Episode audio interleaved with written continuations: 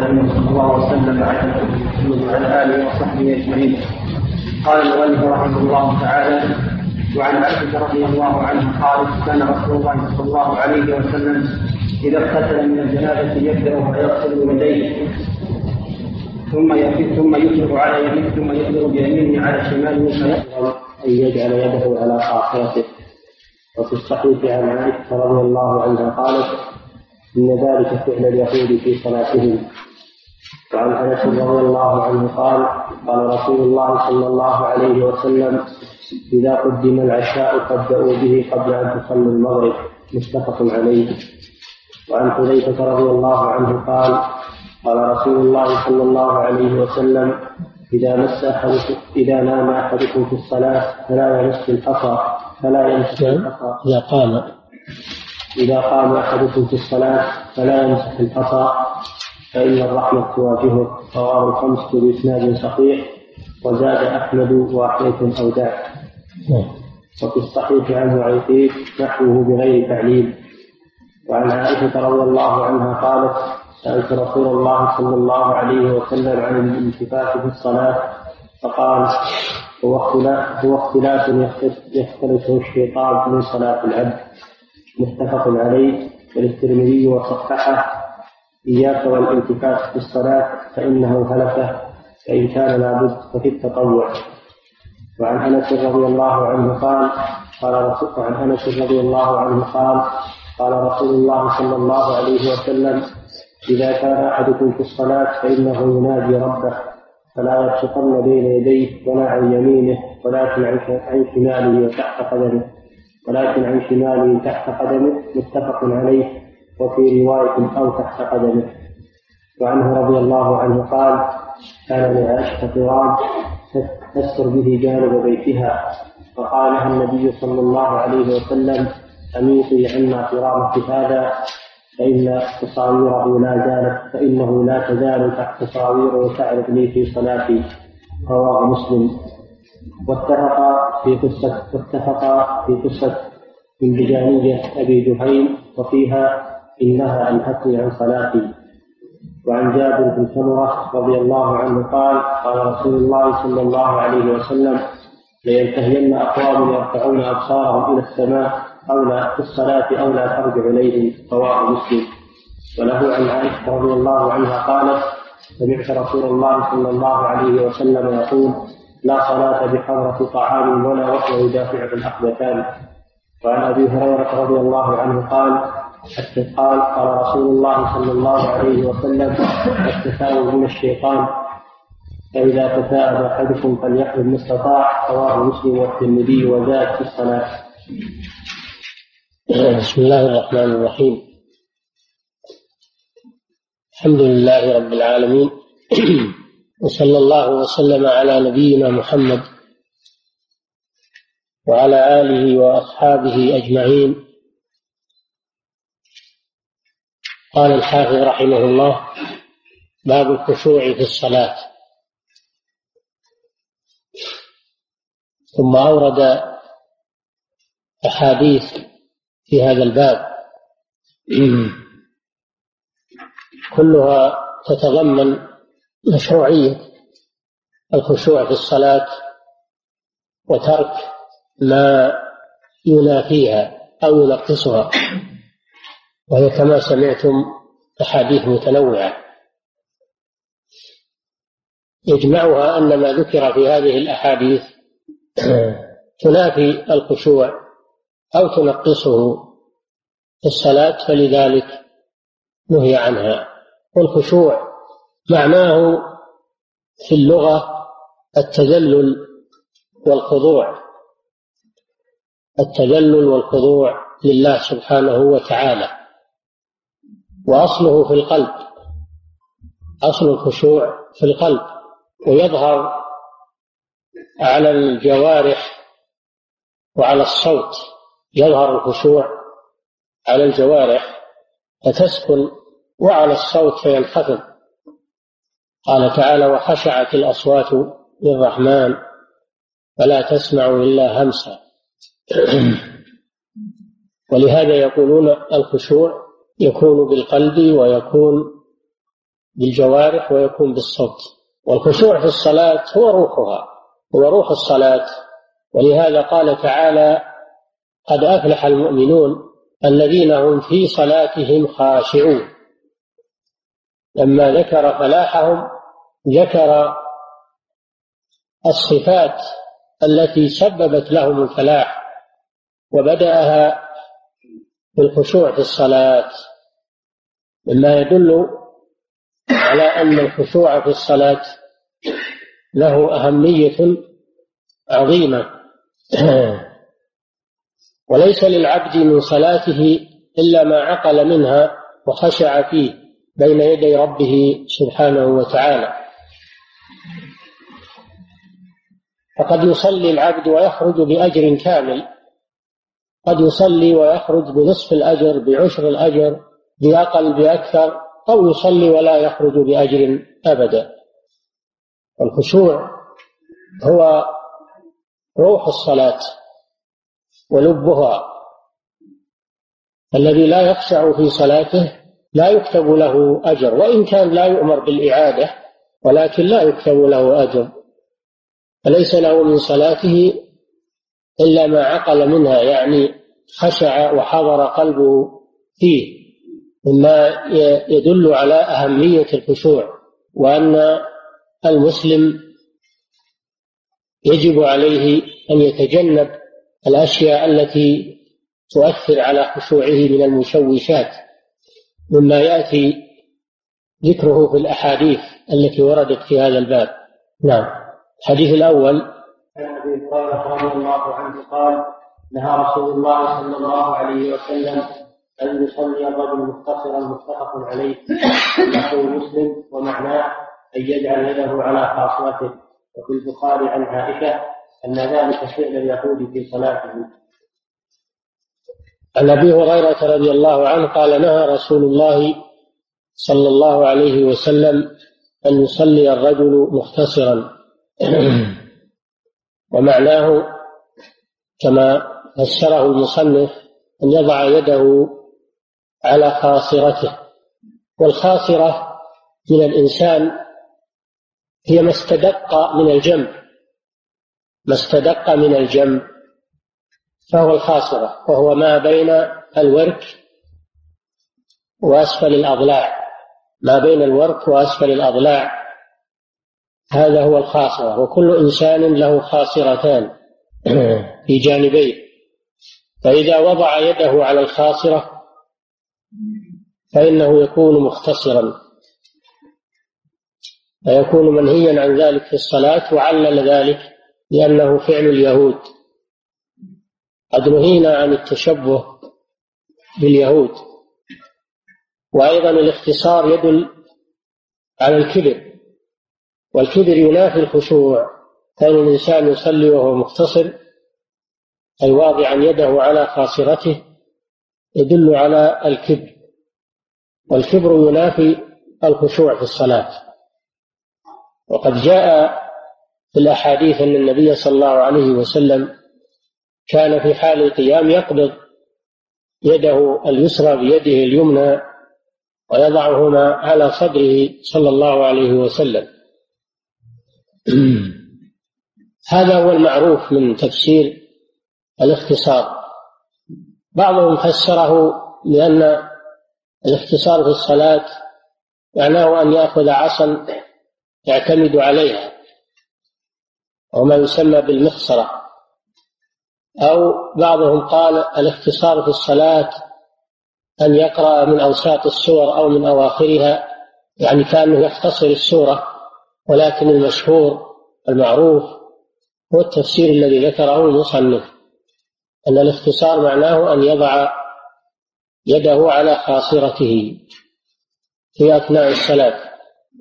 والحكمة في ذلك من وجهين الوجه الأول أنه فعل اليهود كما ورد وقد نهينا عن التشبه باليهود. الوجه الثاني أنه يدل على التكبر والتكبر ينافي الخشوع في الصلاة. نعم. فدل هذا الحديث على كراهية الاختصار في أثناء القيام في الصلاة وأنه ينقص الخشوع أو يتنافى مع الخشوع. والمشروع أن يعمل ما كان يعمله النبي صلى الله عليه وسلم من قبض يديه ووضعهما على صدره. نعم. كما يدل الحديث أيضا على النهي عن التشبه باليهود النهي عن التشبه باليهود فيما هو من خصائصهم. نعم. وعن انس رضي الله عنه. أن رسول الله صلى الله عليه وسلم قال إذا قدم العشاء ابدا به قبل أن تصلي المغرب. متفق عليه. إذا قدم العشاء فابدأوا به قبل أن تصلوا المغرب. العشاء هو طعام العشي كما أن الغداء طعام الغداة. والنبي صلى الله عليه وسلم يقول إذا قدم العشاء يعني أحضر وهيئ للأكل وحضرت الصلاة حضر عندنا شيئان العشاء والصلاة. ولما كانت الصلاة تستدعي الخشوع وحضور القلب وكانت تقديم الصلاة على العشاء يشوش الفكر ويكون قلب الإنسان متعلقا بالطعام أو يشوش عليه صلاته.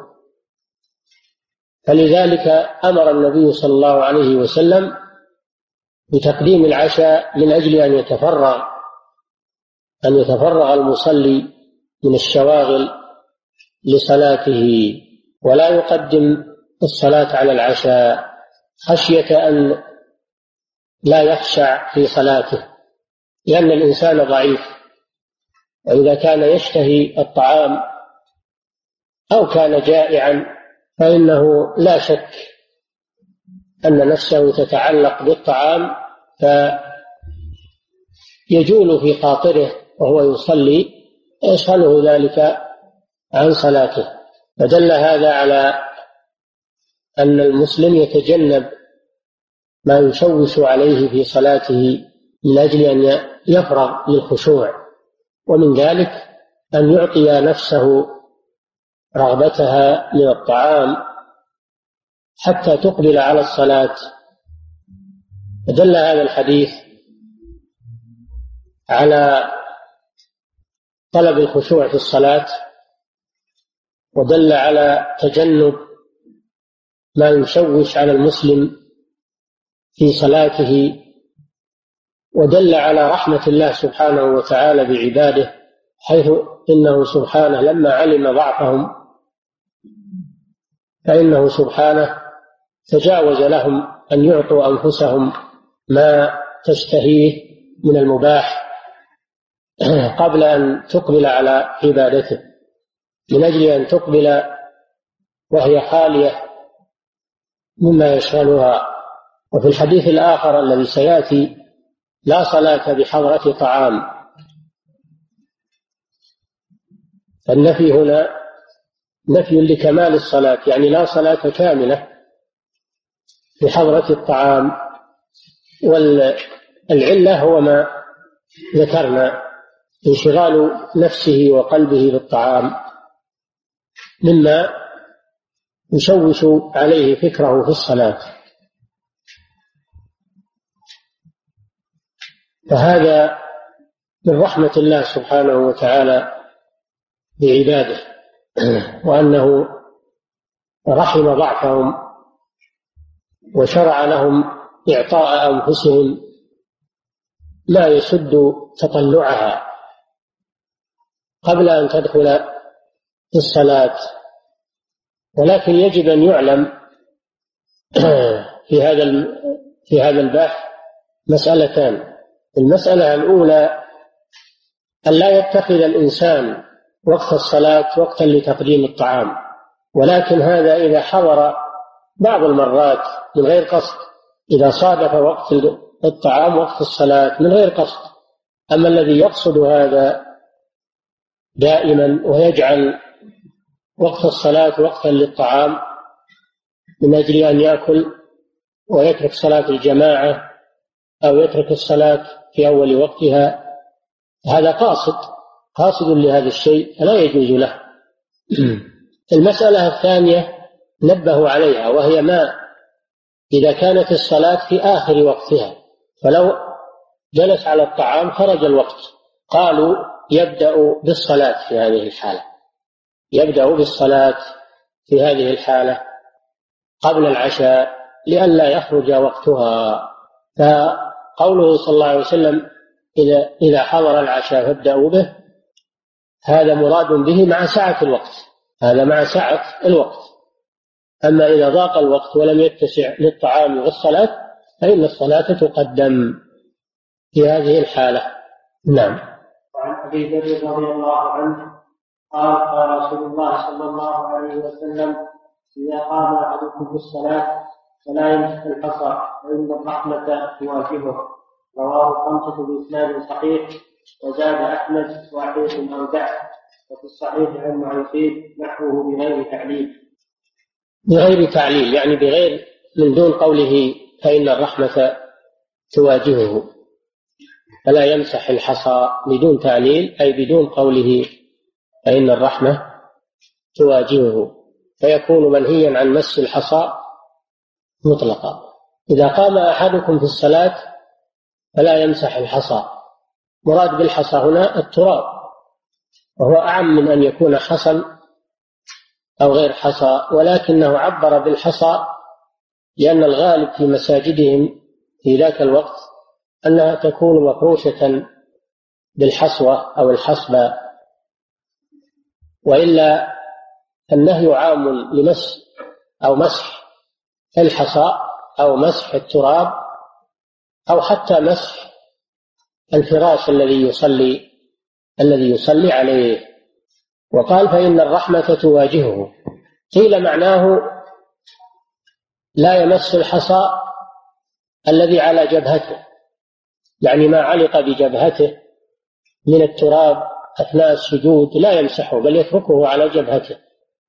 لأنه رحمة وأثر طاعة. أثر من آثار الطاعة.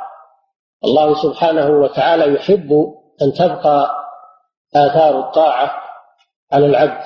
وقيل لا يمس الحصى يعني لا يمس التراب والحصى الذي يصلي عليه الذي يسجد عليه. والحديث يعم المعنيين يعني لا يمس الحصى الذي على جبهته ولا يمس الحصى الذي يسجد عليه.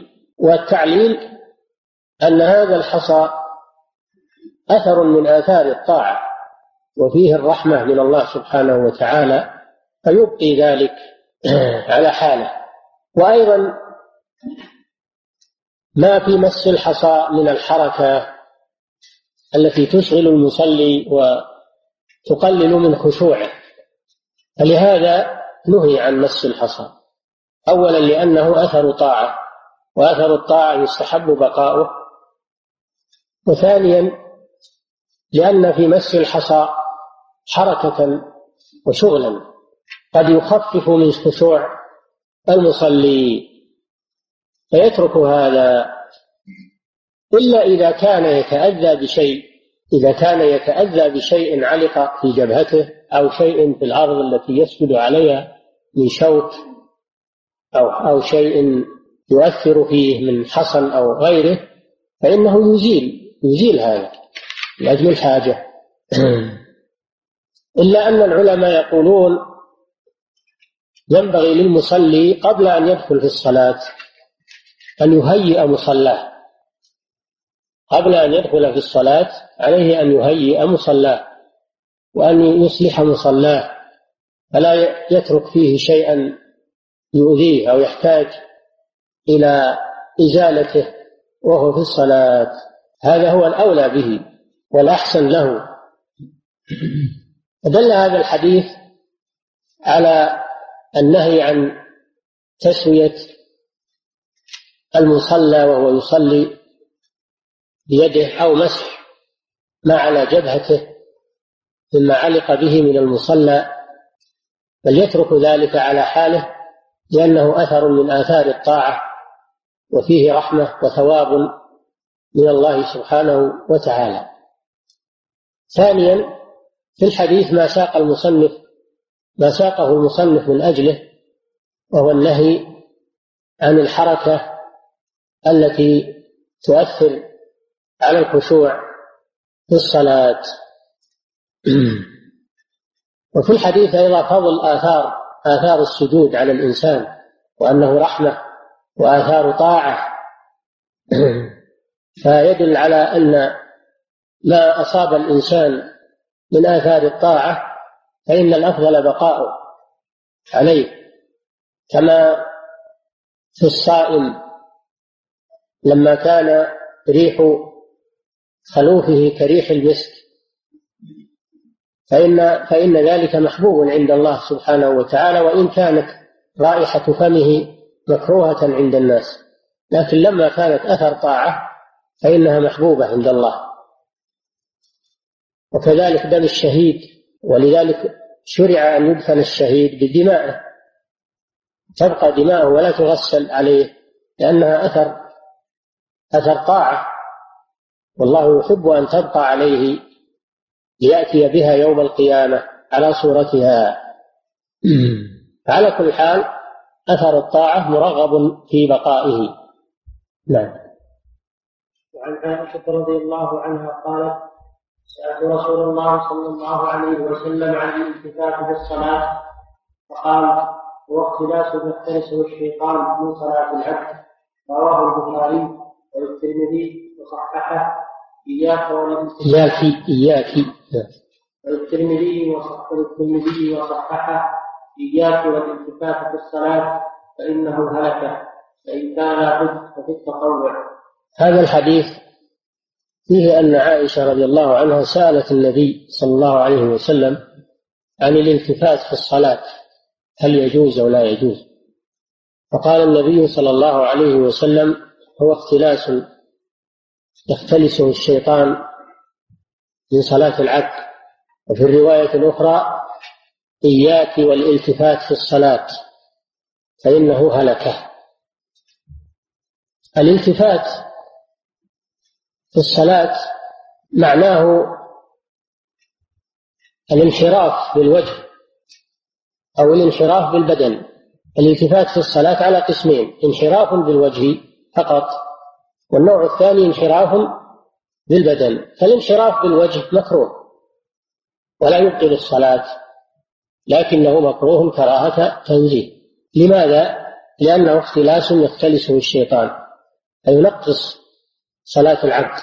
أما النوع الثاني وهو الانحراف بالبدن كأن يستدبر الكعبة أو يجعلها إلى جنبه فهذا يبطل الصلاة.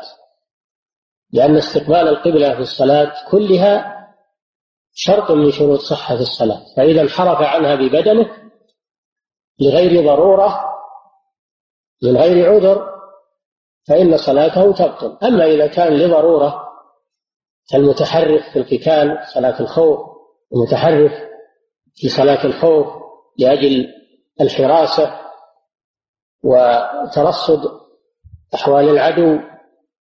فلا بأس بذلك للضرورة والحاجة إلى إلى ذلك. أو بدره خطر داهم يريد التخلص منه كان بدره سبع أو حية أو أو عدو داهم فتحرك من أجل مدافعته وهو في الصلاة فهذه ضرورة لا تبطل صلاته.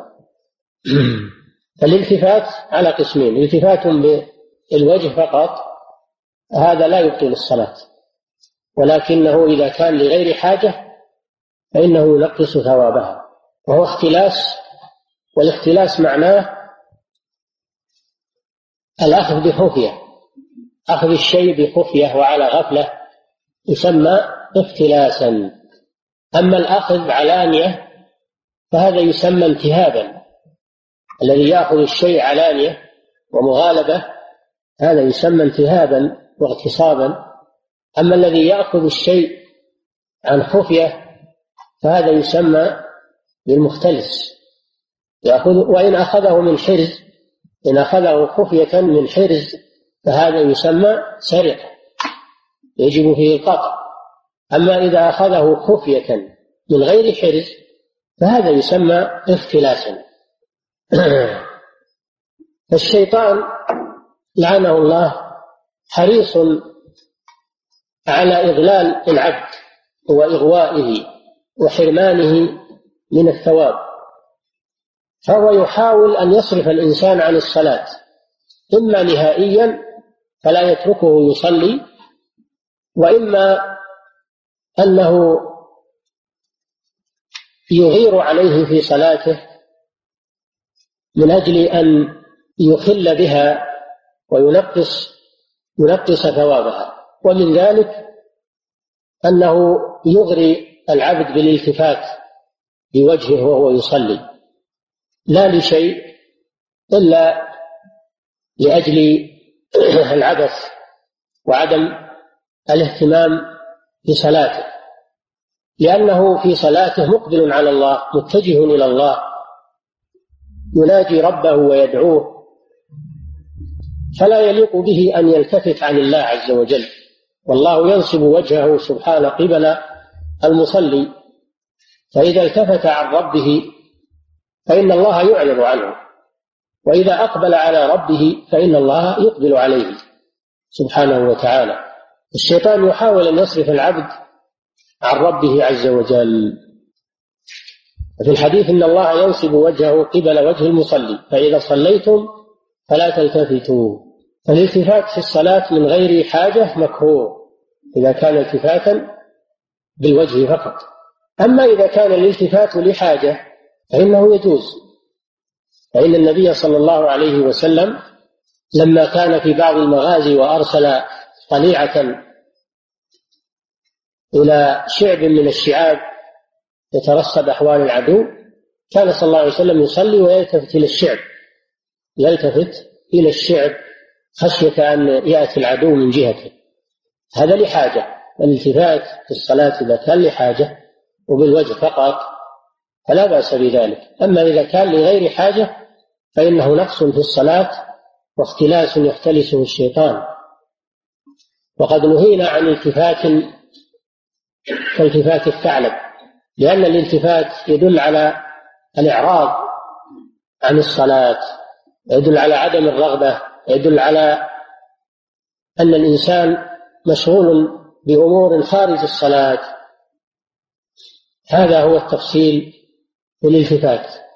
إذا كان لحاجة لا بأس بالوجه كما فعل النبي صلى الله عليه وسلم وكما فعل أبو بكر والصحابة لما خرج إليهم النبي صلى الله عليه وسلم من بيته في مرض موته صلى الله عليه وسلم وهم يصلون خلف أبي بكر فأكثر الصحابة من تسبيح فالتفت أبو بكر فإذا رسول الله صلى الله عليه وسلم. الالتفات لحاجة بالوجه لا بأس به في الصلاة والتطوع أمره واسع ولذلك مر بنا أن المسافر يصلي إلى جهة مسيره إلى حيث توجهت به راحلته. يصلي النافلة والتهجد إلى حيث توجهت به راحلته. فالنافلة أمرها واسع ولهذا قال فإن كان ولا بد ففي النافلة. النافلة أوسع شأنا من الفريضة. وقوله صلى الله عليه وسلم لعائشة إياك هذا من باب التحذير. إياك هذا من باب التحذير يحذرها صلى الله عليه وسلم من الالتفات. وعلل ذلك بقوله فإنه هلك لأنه ينقص ثواب المصلي ولأنه يدخل الشيطان عليه فيوسوس له في صلاته ويشغله ويشغله عنها. نعم. وعن أنس قال قال رسول الله صلى الله عليه وسلم إذا كان أحدكم في الصلاة فإنه ينادي ربه فلا يقفن بين يديه ولا عن يمينه ولكن عن شماله تحت قدمه متفق عليه وفي رواية أو تحت قدمه. إذا قام أحدكم في الصلاة فإنه يناجي ربه فلا يبصق بين يديه ولكن عن يساره تحت قدمه ولا عن يمينه. فلا يبصق بين يديه ولا عن يمينه ولكن عن يساره تحت قدمه يعني يبصق عن يساره تحت قدمه. وفي رواية عن يساره أو تحت قدمه. الرواية الأولى بدون أو فيجمع بين الأمرين يجمع بين الأمرين يكفل عن اليسار ويكون تحت القدمين. والرواية الثانية أو تحت قدمه أنه يخير بين الأمرين. بأن يكفل عن يساره أو يكفل تحت قدمه. فقوله صلى الله عليه وسلم يناجي ربه يناجي ربه أي يخاطب ربه سبحانه وتعالى. والنجوى هي الحديث الحديث الخفي. النجوى هي الحديث الخفي.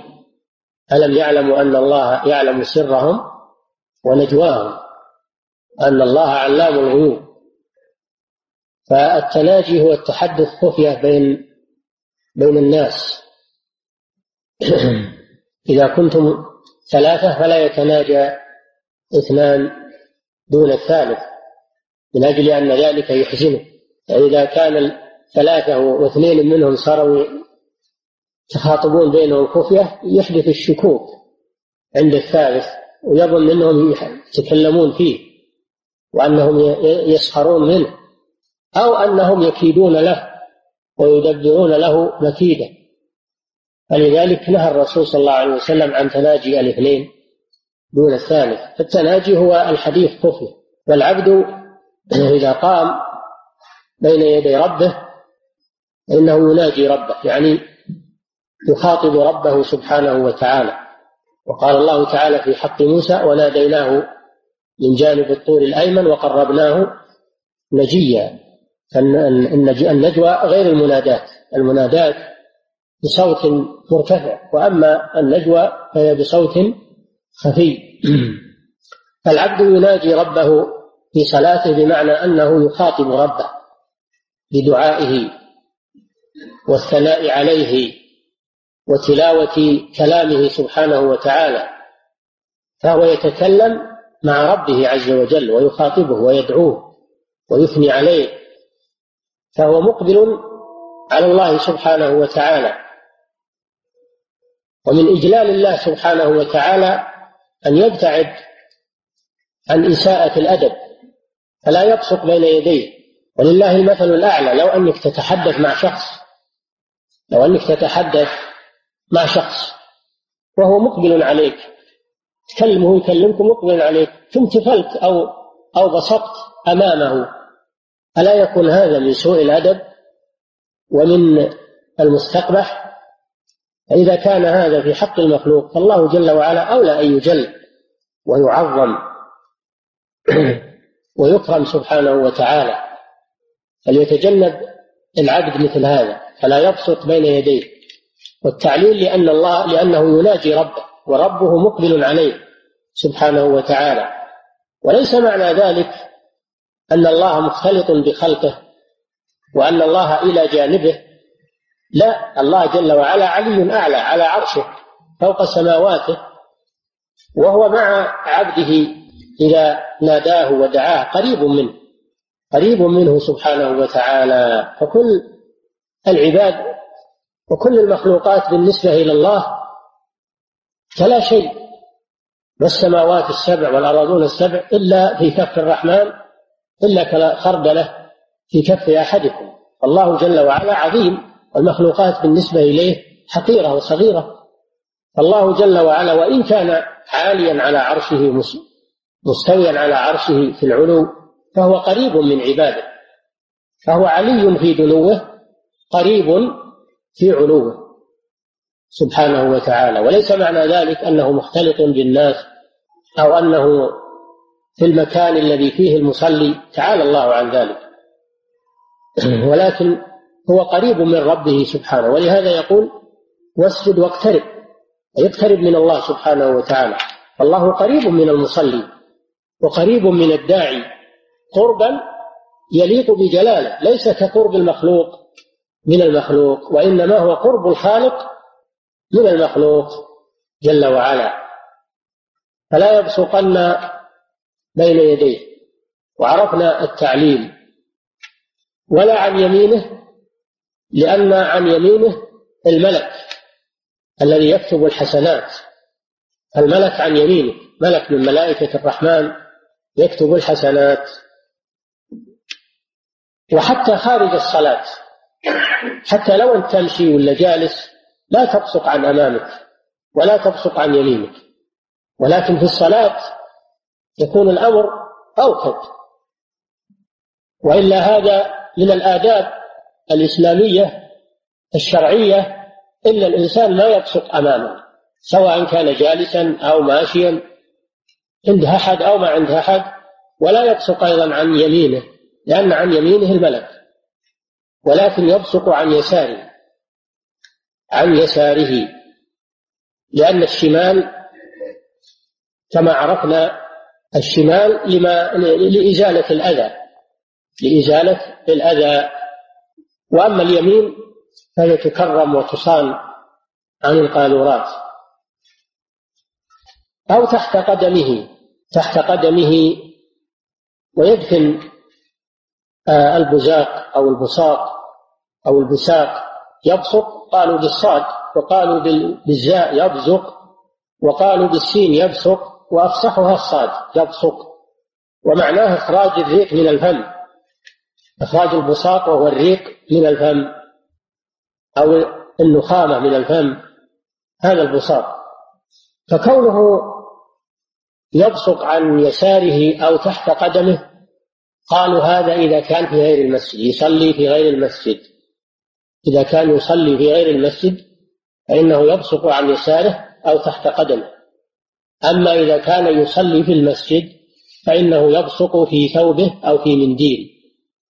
وقد فعل ذلك النبي صلى الله عليه وسلم وعلم أصحابه بذلك فبصق صلى الله عليه وسلم بثوبه ورد بعضه على بعض ثم قال أو يفعل هكذا. فإذا كان يصلي في مسجد فلا يبصق. في أرضية المسجد لا عن يساره ولا تحت قدمه لأنه نهي عن البصاق في المساجد. وقال النبي صلى الله عليه وسلم البصاق في المسجد خطيئة. ورأى صلى الله عليه وسلم نخامة في قبلة المسجد فتغير صلى الله عليه وسلم ثم حكها وأمر أن يلطخ مكان مكانها أن يلطخ مكانها بخلوط من طيب. ففي المساجد لا يصلح البساط وهو خطيئة. ولكن إذا بدر الإنسان شيء من ذلك فليبصق في ثوبه أو يكون معه منديل يبصق فيه ويحمله معه ويخرجه عن المسجد. الحديث ساقه المصنف في باب الخشوع في الصلاة لأن البساط أمامه أو عن يمينه ينافي الخشوع ينافي الخشوع في الصلاة. وأنه لم يستحضر عظمة الرب سبحانه وتعالى وأنه أساء الأدب في حق الله سبحانه وتعالى وفي حق الملك الكريم الذي عن يمينه. وهذا ينافي الخشوع لأن الخشوع في الصلاة تأدب مع الله وتعظيم لله وإجلال لله وهذا يتنافى مع ذلك. فدل هذا الحديث على مشروعية الخشوع في الصلاة ودل على أن البصاق بين يدي المصلي أو عن يمينه أنه يتنافى مع الخشوع ومع الأدب مع الرب سبحانه وتعالى ومع ملائكته. ودل أيضا على أنه إذا كان يصلي في غير المسجد فإنه يبصق عن يساره أو تحت قدمه. وأما إذا كان يصلي في مسجد فإنه يبصق في شيء منقول إما في ثوبه وإما في منديل معه. ويخرجه من المسجد لأن المسجد يصان عن القاذورات نعم. وعن أنس قال كان كان قرام الملائكه سكرت به جانب بيتها فقال لها النبي صلى الله عليه وسلم أميطي عنا قرامك هذا فإنه لا تزال تصاويره تعرض لي في صلاتي. رواه البخاري. واتفقا على حديثها في قصة الباجية أنبجانية أنبجانية أبي جهل وفيه فإنها أنهتني عن صلاتي كانت عائشة رضي الله عنها قد سترت سهوة لها في البيت يعني كوة كوة في البيت سترتها بقرام والقرام هو الكساء المخطط. كساء مخطط فيه خطوط ونقوش. فسترت به هذه الطاقة أو هذه القوة. فلما صلى رسول الله صلى الله عليه وسلم عرضت له هذه الرسومات والنقوش في صلاته. ثم واتفق أي البخاري ومسلم على قصة الأنبجانية. والأنبجانية كساء خال من النقوش نسبة إلى أنبيجان بلدة في في فارس على ما أظن. أنبيجان تصنع الأكسية تنسب إليها يقال أنبجانية وهي كساء خال من الرسومات. أما يسميه الناس سادة. سادة يعني ليس فيه رسوم. والقصة أن أبا جهم أو أبا جهيم رضي الله عنه أهدى للنبي صلى الله عليه وسلم خميصة. والخميصة كساء فيه أعلام. فيه أعلام يعني فيه نقوش وخطوط. فصلى النبي صلى الله عليه وسلم بهذه الخميصة ولكنها شغلته عن صلاته نظر إلى أعلامها. فلما سلم قال اذهبوا بهذه الخميصة إلى أبي جهم وأتوني بأنبجانية أبي جهم. رد الخميصة لما فيها من من الرسومات التي تشغله عن الصلاة. وطلب من أبي جهم أن يبدلها بثوب ليس فيه أعلام وهو الإنبجانية وذلك ليطيب خاطره ويبين له أنه لم يرد الهدية التي أهداها وإنما أراد بدلها مما لا يؤثر عليه في صلاته. فهذا من حسن أخلاقه صلى الله عليه وسلم مع صحابته. الشاهد من الحديثين كراهية ما يشغل المصلي من الرسومات في ثيابه أو في المسجد في جدار المسجد من النقوش والزخارف أو في مصلاه الذي يصلي عليه أيضا. السجادة التي يصلي عليها لا تكون مشغولة بالرسوم والفنون. لأنها تشغل المصلي وينظر إليها. فدل هذا على أنه مطلوب من المصلي أن يتخلى عن كل ما يشغله ومطلوب في المساجد أن تخلو من النقوش والرسومات والكتابات كتابة الآيات أو كتابة الأدعية. كل ذلك منهي عنه في المساجد لأنها تشغل المصلين ولأنها لا تزخرف المساجد كما تزخرف الكنائس عند أهل الكتاب. النبي صلى الله عليه وسلم رد الخميصة لما فيها من الرسومات التي تشغل المصلي في صلاته وطلب الإنبجانية وهي الثوب الخالي من الرسومات كل ذلك حفاظا على الخشوع في الصلاة وعدم الانشغال فيها. فدل على أن كل كتابة أو كل نقش أو رسم يشغل المصلي فإنه يبتعد عنه لأنه يشوش على الخشوع ويصير الإنسان ينظر إلى هذه الأشياء. كما دل الحديث على أن المصلي يقصر نظره عن النظر في ما أمامه أو ما حوله وهو يصلي ويحصر نظره في موضع سجوده. لأن ذلك أدعى للخشوع وأقطع للشواغل. كما دل الحديث على حسن خلقه صلى الله عليه وسلم فإنه لم يرد الهدية على أبي جهم وإنما طلب بدلها طلب بدلها ليطيب خاطره. نعم. وعن جابر بن سمرة رضي الله عنه قال قال رسول الله صلى الله عليه وسلم لينتهين أقوام يرفعون أبصارهم إلى السماء في الصلاة أو لا ترجعوا إليه رواه مسلم لينتهين أقوام عن رفع أبصارهم إلى السماء في الصلاة أو لا ترجعوا إليهم. لينتهين اللام لام القسم. يقولون موطئة لقسم محذوف. والتقدير والله لينتهين. اللام جاءت في جواب قسم محذوف. والله لينتهين والنون نون الثقيلة. النون ينتهين نون التوكيد. نون التوكيد الثقيلة. والفعل مبني معها على الفتح في محل جزم. أو في محل رفع. لأنه مجرد عن الجازم والناصب. ولكنه فتح من أجل اتصاله بنون التوكيد. الثقيلة.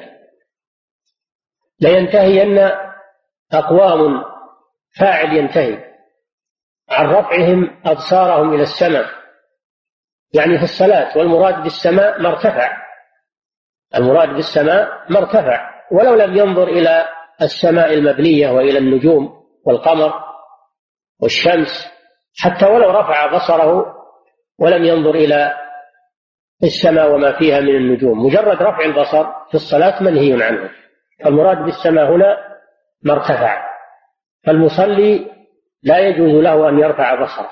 بل إن النبي صلى الله عليه وسلم هددهم إن لم ينتهوا لا ترجع إليهم أبصارهم. يعني أنها تذهب أبصارهم ويبتلون بالعمى عقوبة لهم والعياذ بالله. الخطر شديد في هذا. والحكمة في ذلك أن رفع البصر إلى السماء يتنافى مع الخشوع يتنافى مع الخشوع. والمطلوب من المصلي الخشوع بأن يجعل بصره ونظره إلى موضع سجوده لأن ذلك آه، أدعى للخشوع وأقطع للشواغل.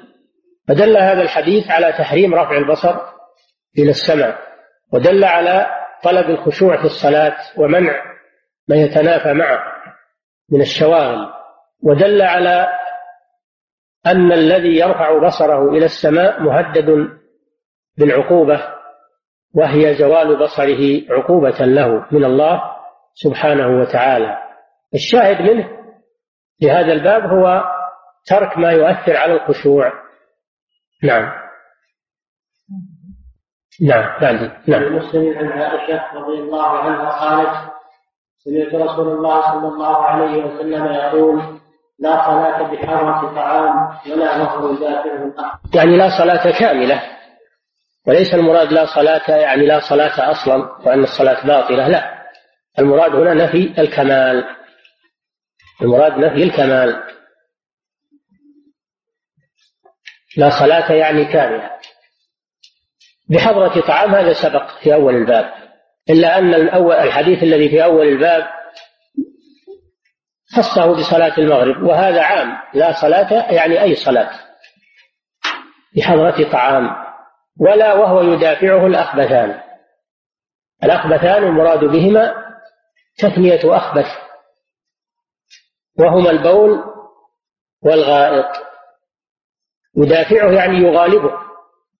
بأن يكون حاقنا للبول أو حاقدا للغائط. الذي يدافعه الغائط يسمى حاقبا في القاف حاقبا والذي يدافعه البول يسمى حاقنا بالنون. فالنبي صلى الله عليه وسلم نهى أن يصلي الإنسان وهو مشغول بوجود أحد الأخبثين أو كلاهما أو كليهما.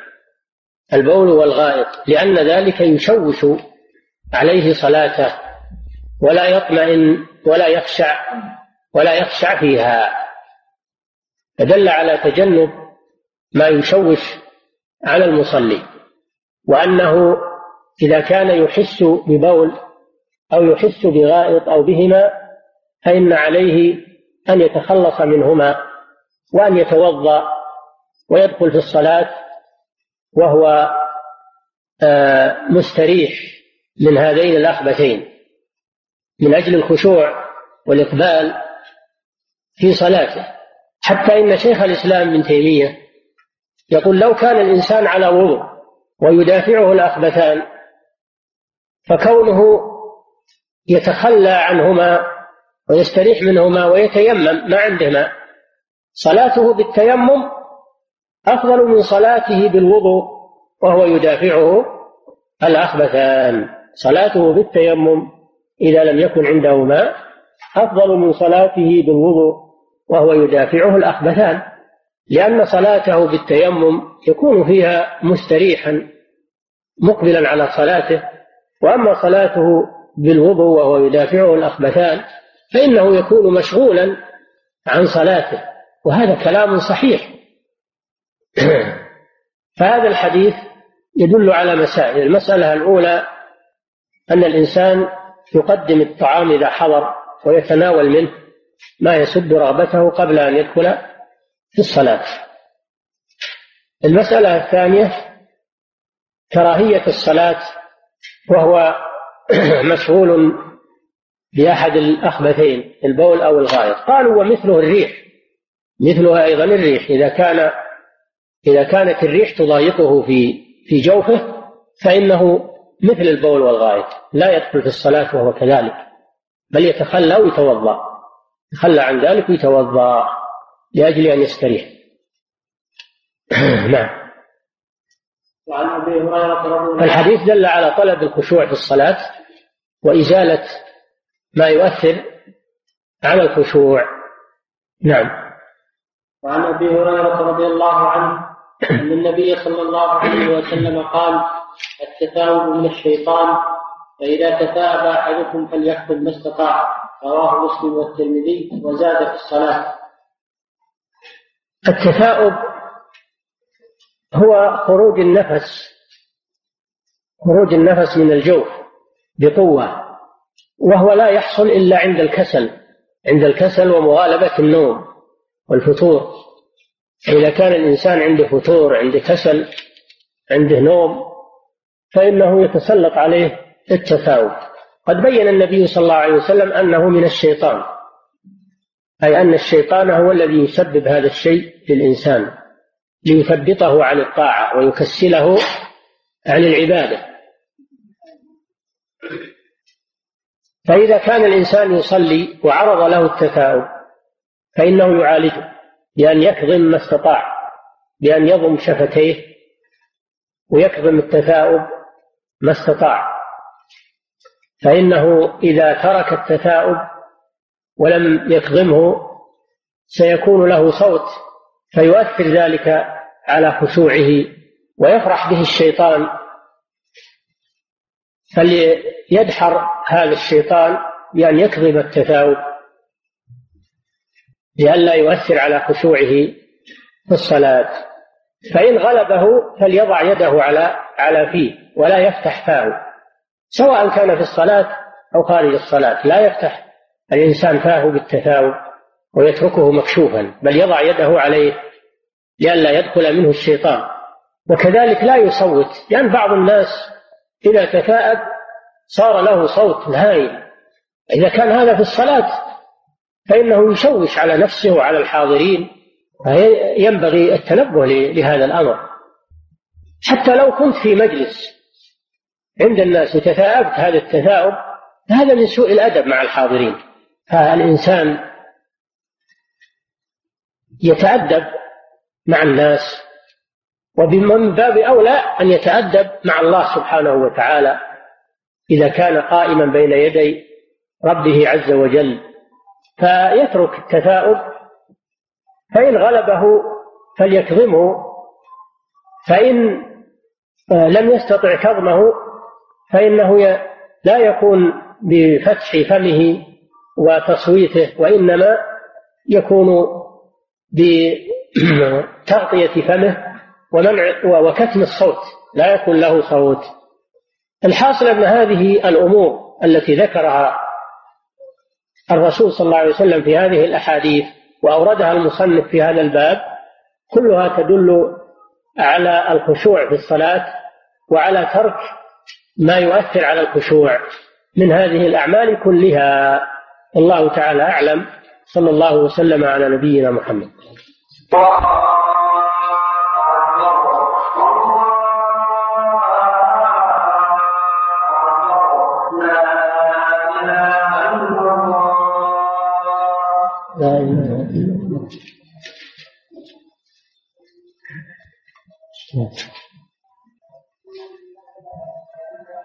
نعم. بسم الله الرحمن الرحيم. الحمد لله رب العالمين. صلى الله وسلم على نبينا محمد وعلى آله وصحبه أجمعين. فضيلة الشيخ قد ورد في الدرس الماضي أن نور المرأة ليس كثبوتها نعم. أن نور المرأة ليس كثبوتها. ليس كثبوتها أي نعم. فهل انتصاب الكلب أمامه وإن كان لا يتحرك يبطل الصلاة؟ وهل بعض جسده وهل بعض جسده أمامي له حكم أيضا؟ وما حكم اتخاذه صفة للمصلي؟ كل هذا لم يرد ولا داعي له. الكلب تجنبه وابتعد عنه. ملابسة الكلب والقرب من الكلب أو وجوده في المنزل كل هذا غير مناسب. الكلب نجس وإذا كان في البيت فإنه يمنع دخول الملائكة كما ثبت في الأحاديث. فالكلب خل اجعله بعيدا عنك بعيدا عنك في صلاتك وفي غيرها. وإذا كنت تحتاج إليه الرخص الواردة فاجعل له مكانا بعيدا عنك. نعم. وعن صلاتك وعن بيتك وعن لا تلابسه. نعم. فضيلة الشيخ ذكرتم في حديث أبي هريرة رضي الله عنه نهى أن يصلي قوله وهو نهى أن يصلي الرجل مختصرا. قلتم الحديث يدل على كراهية الاختصار في الصلاة. السؤال ما الذي صرفه من التحريم من الكراهة والأصل في الله التحريم إلا لصالح. الذي صرفه أنه لم يؤمر المختصر في الصلاة بالإعادة. فلما لم يؤمر بالإعادة هذا دليل على أنه للكراهة لأنه لو كان للتحريم لأمر بالإعادة. نعم. فضيلة الشيخ هل عدم مس الحصى مخصوص بالصلاة؟ أم يكون بعد الانصراف من الصلاة؟ لا بعد الانصراف لا مانع إنما هذا في الصلاة. إذا قام أحدكم في الصلاة. فمس الحصى منهي عنه في حال الصلاة وفي حال خطبة الجمعة. نعم. فضيلة الشيخ ما معنى قوله في زيادة أحمد واحدة أو دع في حديث أبي ذر؟ الحديث اختصره المصنف إن كان لا بد فاعلا فواحدة يعني مرة يعني يمسحه مرة أو دع يعني يترك حتى المرة. دع دع يعني دع اترك المسح. لكن إن كان ولا بد فمرة واحدة لئلا يشغلك عن الصلاة. نعم. فضيلة الشيخ إذا كان يوجد في المسجد مكان لوضع المنديل فهل يضعه فيه أم يخرجه أيهما أفضل؟ لا ينبغي يوضع في المسجد مكان لوضع القمامات بل ينبغي أن تخرج في الحال ولا يجعل في المسجد مزبلة. يقال هذا الجمع القمامات والمناديل لا يصلح هذا نعم. فضيلة الشيخ ذكر الصنعاني رحمه الله في شرحه لحديث أنس رضي الله عنه في النهي عن انبساط القبله معنى المناجاة قال والمراد من المناجاة إقباله تعالى عليه بالرحمه والرضوان. فهل هذا المعنى صحيح؟ ما هو صحيح. هذا ما هو صحيح. إقباله سبحانه وتعالى عليه على حقيقته. وقلنا إنه قرب يناسب الرب سبحانه وتعالى وليس معناه قرب المخالطة والمماسة ولكن قرب مع علو لله سبحانه وتعالى هذا خاص بالله عز وجل. نعم. فضيلة الشيخ. فهو قريب منه حقيقة بما يليق بجلاله سبحانه كما يليق بجلاله. قرب حقيقي كما يليق بجلاله سبحانه وتعالى. نعم. فضيلة الشيخ ورد في الحديث البصاق في المسجد خطيئة وكفارتها تتلوها. نعم. هل يدخل في ذلك ساحة المسجد هذا إذا وجد يعني إذا وجد هذا الشيء فإنه يدفن ويزال ويغير مكانه. وساحة المسجد إذا كان يحيط بها سور المسجد فإنها مسجد تابعة للمسجد. إذا كان يحيط بها سور المسجد فإنها تابعة للمسجد. أما إذا كانت ساحة خارجة عن السور فهذه لا تكون من المسجد إنما تكون من مرافق المسجد. إما مواقف وإما طرق وإما يعني من مرافق المسجد وليست مسجدا. إنما يكون من المسجد ما كان داخل سوره وأبوابه سواء كان مسطوحا أو مكشوفا وهو ما يسمى بالسرحة نعم.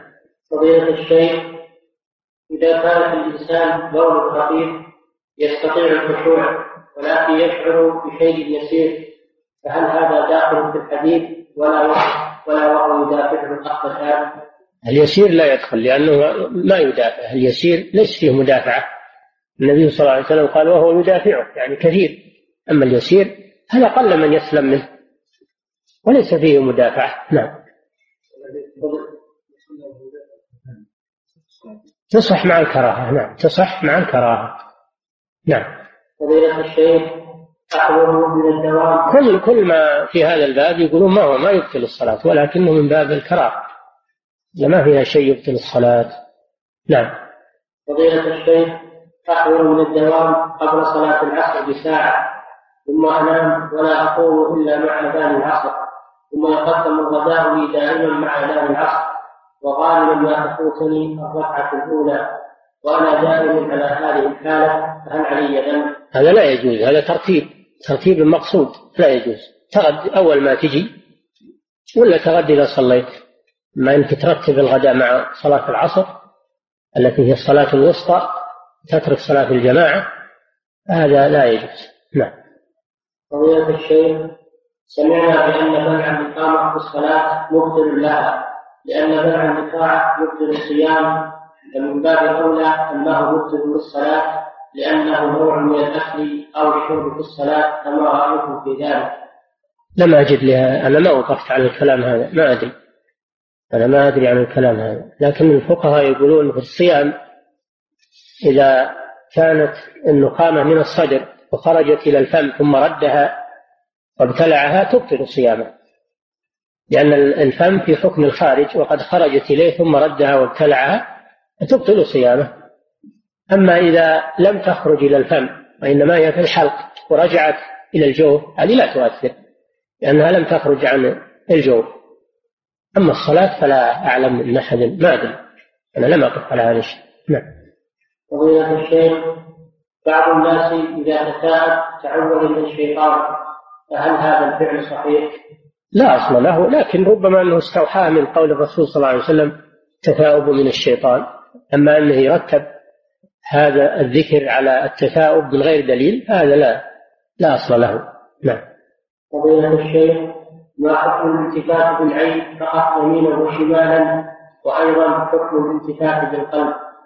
مكروه. الالتفات بالبصر إجالة البصر يمينا وشمالا أو فوق أو أمام مكروه لأنه يؤثر على الخشوع والبصر يكون إلى موضع السجود فقط.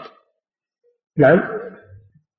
والالتفات بالقلب هذا ينافي الخشوع. الالتفات بالقلب ينافي الخشوع. لكن لا يؤمر بالإعادة ما دام صلى ما يؤمر بالإعادة لكن لا يكون له ثواب. تكون صلاته خالية من الثواب. نعم. فضيلة الشيخ هل من صلى وهو يدافعه الأخبثان ثم بدا له أن يقطع صلاته فعل له ذلك؟ لا يقطع صلاته إلا إذا غلبه إذا غلبه الخارج وخشي أن يخرج بدون اختياره إنه يقطع الصلاة. أما ما دام إنه تمكن من السيطرة عليه ويكمل الصلاة ولو كانت ولو كان هذا مكروها في حقه لكن يكمل الصلاة ما يقطعها. نعم. فضيلة الشيخ ورد حديث البساط في المسجد خطيئة ألا يدل هذا الحديث على النهي المطلق حتى ولو أخرجها في ثوبه أو منديل لكي لا تشمئز نفوس المصلين. لا ما يدل على هذا. البصاق في المسجد يعني إلقاء إلقاء البصاق في المسجد هذا هو المراد. ولا الإنسان يعتريه البصاق غصبا عنه ما هو ما هو باختيار. هذا يعرض للإنسان فيبصق في ثوبه أو في منديل ويخرجه عن المسجد. إنما البصاق في المسجد خطيئة معناه إلقاء إلقاء البصاق في المسجد. نعم. فضيلة الشيخ إذا لم يكن مع المصلي منديل فهل يجوز له أن يبتلع إقامته أم يكره له ذلك وعليه أن يبصق في ثوبه؟ كيف هو يتصرف؟ تصرف نعم فضيلة الشيخ كيف أعرف أن هذا النهي يفيد الكمال أو الصحة من النص؟